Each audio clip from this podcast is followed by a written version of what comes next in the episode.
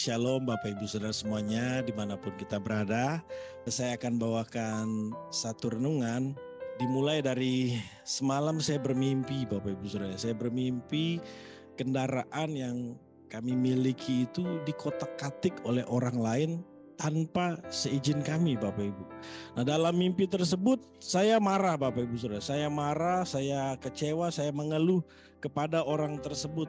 Karena siapa ini orang kok berani mengkotak-katik kendaraan yang kami miliki. Nah ternyata Bapak Ibu Saudara dalam mimpi tersebut kendaraan tersebut adalah milik orang tersebut yang dititipkan kepada kami.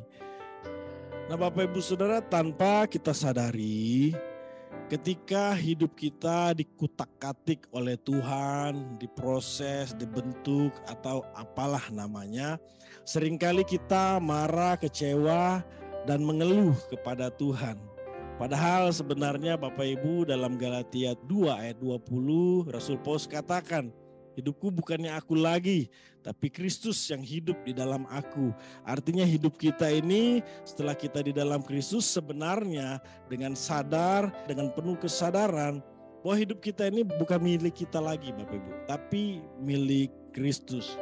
Nah Bapak Ibu Saudara banyak tokoh di Alkitab yang hidupnya dikotak-katik oleh Tuhan.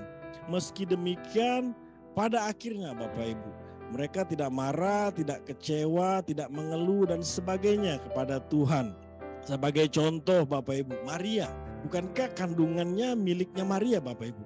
Tapi ketika Tuhan mengotak-ngatik kandungannya, Maria berkata, "Jadilah padaku seperti yang engkau ingini." Kemudian para murid, bukankah profesi sebagai nelayan adalah milik mereka Bapak Ibu Saudara?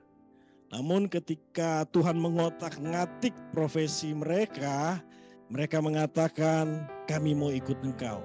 Kami mau dimuridkan, kami mau menjadi penjala manusia. Termasuk Rasul Paulus Bapak Ibu. Bukankah yang dahulu kekayaannya, jabatannya, ketenarannya dan sebagainya semua adalah milik Rasul Paulus. Tapi ketika Tuhan mengotak-ngatik yang dahulu Bapak Ibu, Rasul Paulus katakan dalam Filipi 3 ayat 7 sampai 8, tetapi apa yang dahulu merupakan keuntungan bagiku, sekarang kuanggap rugi karena Kristus. Malahan segala sesuatu kuanggap rugi karena pengenalan akan Kristus Yesus Tuhanku lebih mulia daripada semuanya Nah masih banyak lagi tokoh-tokoh Alkitab baik dalam perjanjian lama maupun baru yang hidupnya, yang miliknya dikotak-katik oleh Tuhan, diproses, dibentuk atau apa itu namanya Bapak Ibu. Namun pada akhirnya mereka secara sadar, penuh kesadaran, mereka katakan hidup yang mereka miliki, segala sesuatu yang mereka miliki adalah miliknya Tuhan mereka tidak berhak marah, kecewa, mengeluh dan sebagainya kepada Tuhan. Secara sadar Bapak Ibu, mereka mengatakan Tuhan berhak mengotak-ngatik semuanya. Nah Bapak Ibu Saudara, di ujung renungan ini saya ingin ingatkan untuk kita semua, saya percaya ketika kita memberi ruang pada Tuhan untuk mengotak-ngatik hidup kita, percaya kita nggak akan minder, kita nggak akan kecewa, nggak akan marah, ketika kita dalam persoalan apa pun. Termasuk kita tidak akan sombong arogan saat kita diberkati Tuhan Bapak Ibu. Sebaliknya kita akan dengan ikhlas, dengan rela, kita akan terima semua kenyataan itu ketika hidup kita dikotak-katik oleh Tuhan. Dan secara penuh kita sadar Bapak Ibu, bahwa ini hidup ini harus terus berjalan.